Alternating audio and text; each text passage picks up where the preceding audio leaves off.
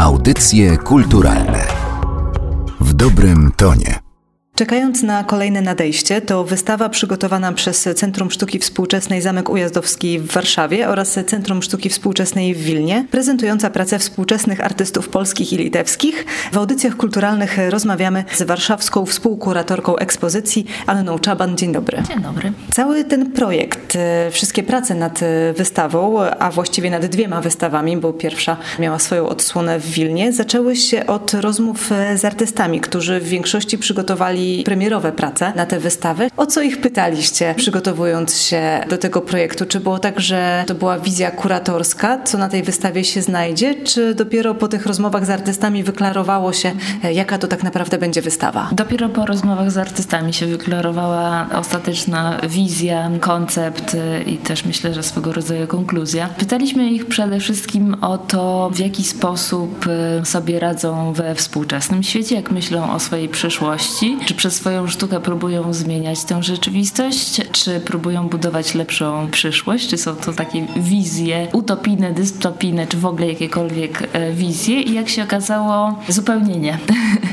że to są postawy właśnie wyczekujące, bądź nie tyle co bierne, co próbujące zorganizować najbliższe otoczenie wokół artysty. Czyli to czekanie na kolejne nadejście nie jest wyłącznie biernym, pasywnym oczekiwaniem, nic nie robieniem, tylko tylko działaniem w sferze, na którą się ma wpływ. Czy to jest swoja wyobraźnia, czy to są działania w nowych technologiach, czy to jest współdziałanie razem z jakąś spółdzielnią, kolektywem, grupą przyjaciół, czy w swoim środowisku. Także takie zabiegi krzątania, budowanie bardziej, co się pojawia w koncepcji kuratorskiej, budowania specyficznych heterotopii, czyli światów istniejących rzeczywiście, ale nieco odwróconych, nieco odbijających odbijających obraz rzeczywistości, go kontestujących i wywracających na nicę. Także ani to wizje właśnie utopijne, ani dystopijne, tylko właśnie dziwne przestrzenie obok, sytuujące się gdzieś na marginesie rzeczywistości. I chociaż wystawa ta wpisuje się w obchody odzyskania przez Polskę i Litwę niepodległości, to wydaje mi się, że nie wiedząc tego przed zwiedzaniem wystawy, trudno byłoby to zauważyć, bo tych mm. prac, które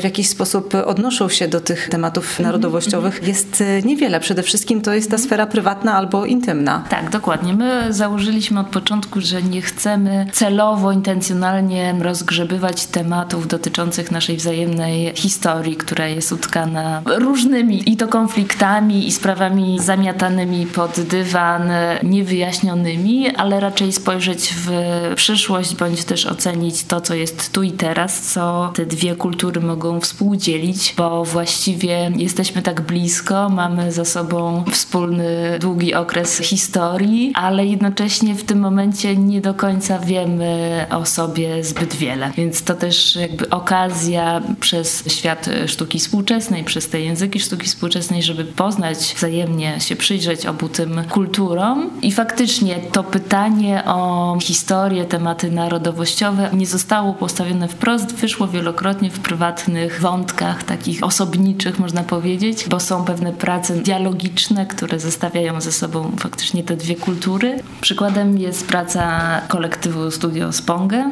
przyziemnym. Jest to film, film drogi, opowiadający prawdziwą historię warszawskiego taksówkarza Adriana, który szuka swoich korzeni, które są prawdopodobnie w Litwie. I faktycznie film opowiada o tym, jak dociera do małej wioski Dziewieniszki, gdzie mieszkali jego przodkowie. Bezpośrednio bezpośrednio ich nie spotyka, ponieważ już nie żyją, natomiast e, znajduje oczywiście ślady swojej historii. Jest to dla niego też sprawa niezwykle ważna z powodów e, osobistych, bo on jako człowiek, który stracił oboje rodziców w wypadkach samochodowych, nieustannie boryka się z tym brakiem zakorzenienia, brakiem swojej historii osobistej. Także powrót do korzeni jest dla niego niezwykle ważny. Druga ścieżka, w sensie genealogii jego drzewa prowadzi do do Jana Kochanowskiego, także też bohater zwiedza tam muzeum w Czarnej Górze.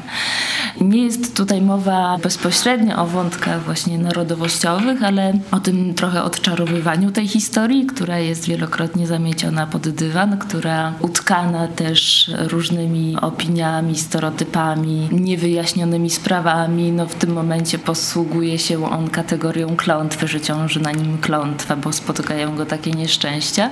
Ale jeżeli już mowa o tych stereotypach i opiniach, to jeszcze jest inna praca Jewy Rojute, litewskiej artystki, która operuje głównie słowem banalnym, używa pewnych truizmów, bądź też zapożycza, gdzieś czerpie czy to z internetu, czy z wypowiedzi. I na odsłonę wileńską przygotowała pracę o niezbyt przychylnych opiniach Litwinów na temat mieszkających na ziemiach litewskich Polaków, że nawet nie wiedzą, czym są, cytując.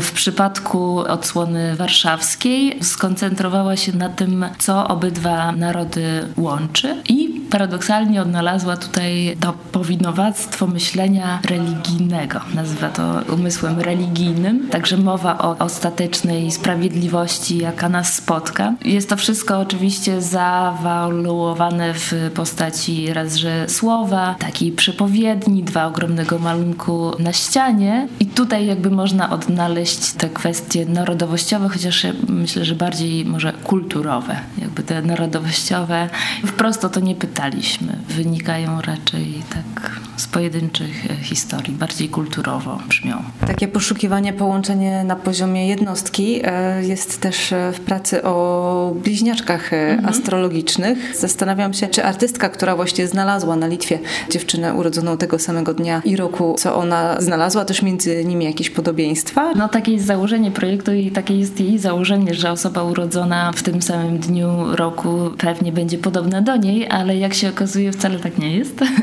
I mimo tego, że akurat ta bliźniaczka Sandra 10 minut różnicy jest między ich narodzinami, zupełnie jest inna, chociaż odnalazły wspólne trajektorie swoich losów, bo to głównie też o to chodzi, że gwiazdy wskazują na pewne zmiany, które wystąpią w danym roku, czasie i tak dalej. Także to spotkanie, jak mówi artystka, było niesamowite i wiem też od niej, że było przełomowe dla jej bliźniaczki astrologicznej, Sandry. Tam bardzo dużo w jej życiu osobistym się pozmieniało po tym spotkaniu. Ale to wciąż jest e, tak. historia i praca na poziomie prywatnym i w związku z tym, że te przeważają na wystawie, czy mhm. to ma duże znaczenie, że oglądamy pracę artystów akurat z Litwy i Polski w przypadku tej wystawy, czy to w jakiś sposób e, gdzieś jest istotne, skoro e, sporo mhm. tych prac ma raczej mhm. charakter prywatny, a przez to też czasami może uniwersalny, bo nie ma mhm. znaczenia, w którym miejscu świata mieszkamy, chociaż może ma. To jest też część tej kwerendy, podsumowanie jej, bo jakby zaczynaliśmy od właśnie rozmów na temat teraźniejszości, przyszłości, co obydwa te kraje, co obydwie te kultury może łączyć, no ale jednak ograniczając się do tego świata sztuki współczesnej, do języków i praktyk sztuki współczesnej, no i jak się okazało, że artyści pozostają w tym stanie oczekiwania, w którym głównie myślą, no chyba egoistycznie o sobie. Także ta tendencja do poruszania się w wątkach prywatnych, do czy to ucieczki, tak, wyobraźnie, czy to poszukiwania siebie, sensu życia, też wielokrotnie takie tytuły pracy o tym świadczą, no spowodowały to, że stało się to takie podsumowanie tego, w jaki sposób myślą artyści, w jaki sposób działają tu i teraz, chociażby w tych dwóch krajach, czyli taka trochę kondycja głównie młodych właśnie artystów, jakie są ich praktyki obecnie. No ale jednak przebijają się tam te historie kulturowe, tym niemniej. Także nie jest to tylko i wyłącznie wystawa na temat, myślę, że jest wielopoziomowa. Z jednej strony jakby impulsem jest to, że łączymy te dwie kultury, że one w sposób y, nie literalny, nie bezpośredni znajdują te momenty styku, czy to poprzez projekt, czy jakieś osobiste historie, ale jednocześnie mamy jakąś diagnozę tego, w jaki sposób artyści podchodzą do myślenia o rzeczywistości, dlatego używamy tutaj tego terminu heterotopia. Doczytałam się, że to jest pierwsza tak duża zbiorowa wystawa twórców polskich i litewskich w najnowszej historii kulturalnej. Zakładam, że skoro wcześniej takich dużych projektów nie było, to prawdopodobnie nasza wiedza na temat kultury litewskiej i wiedza Litwinów na temat kultury polskiej no, jest, nie wiem czy uboga, ale być może nie tak duża, jak mogłaby być. I czy na etapie prowadzenia tych rozmów z artystami to dało się stwierdzić, czy że oni, czy to Polacy, czy Litwini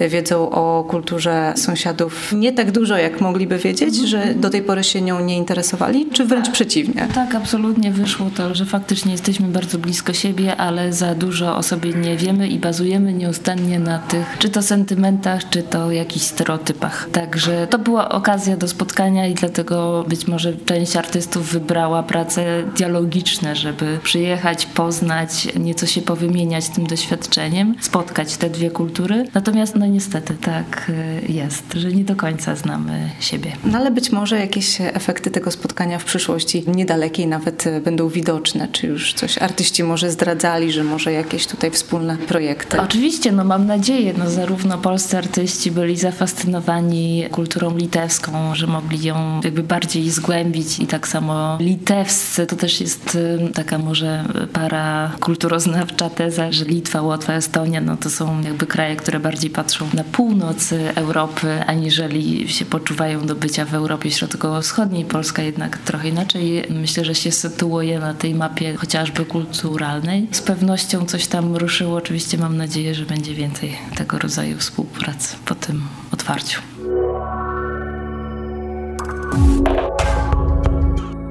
Materiał przygotowała Magdalena Miszewska. Audycje kulturalne w dobrym tonie.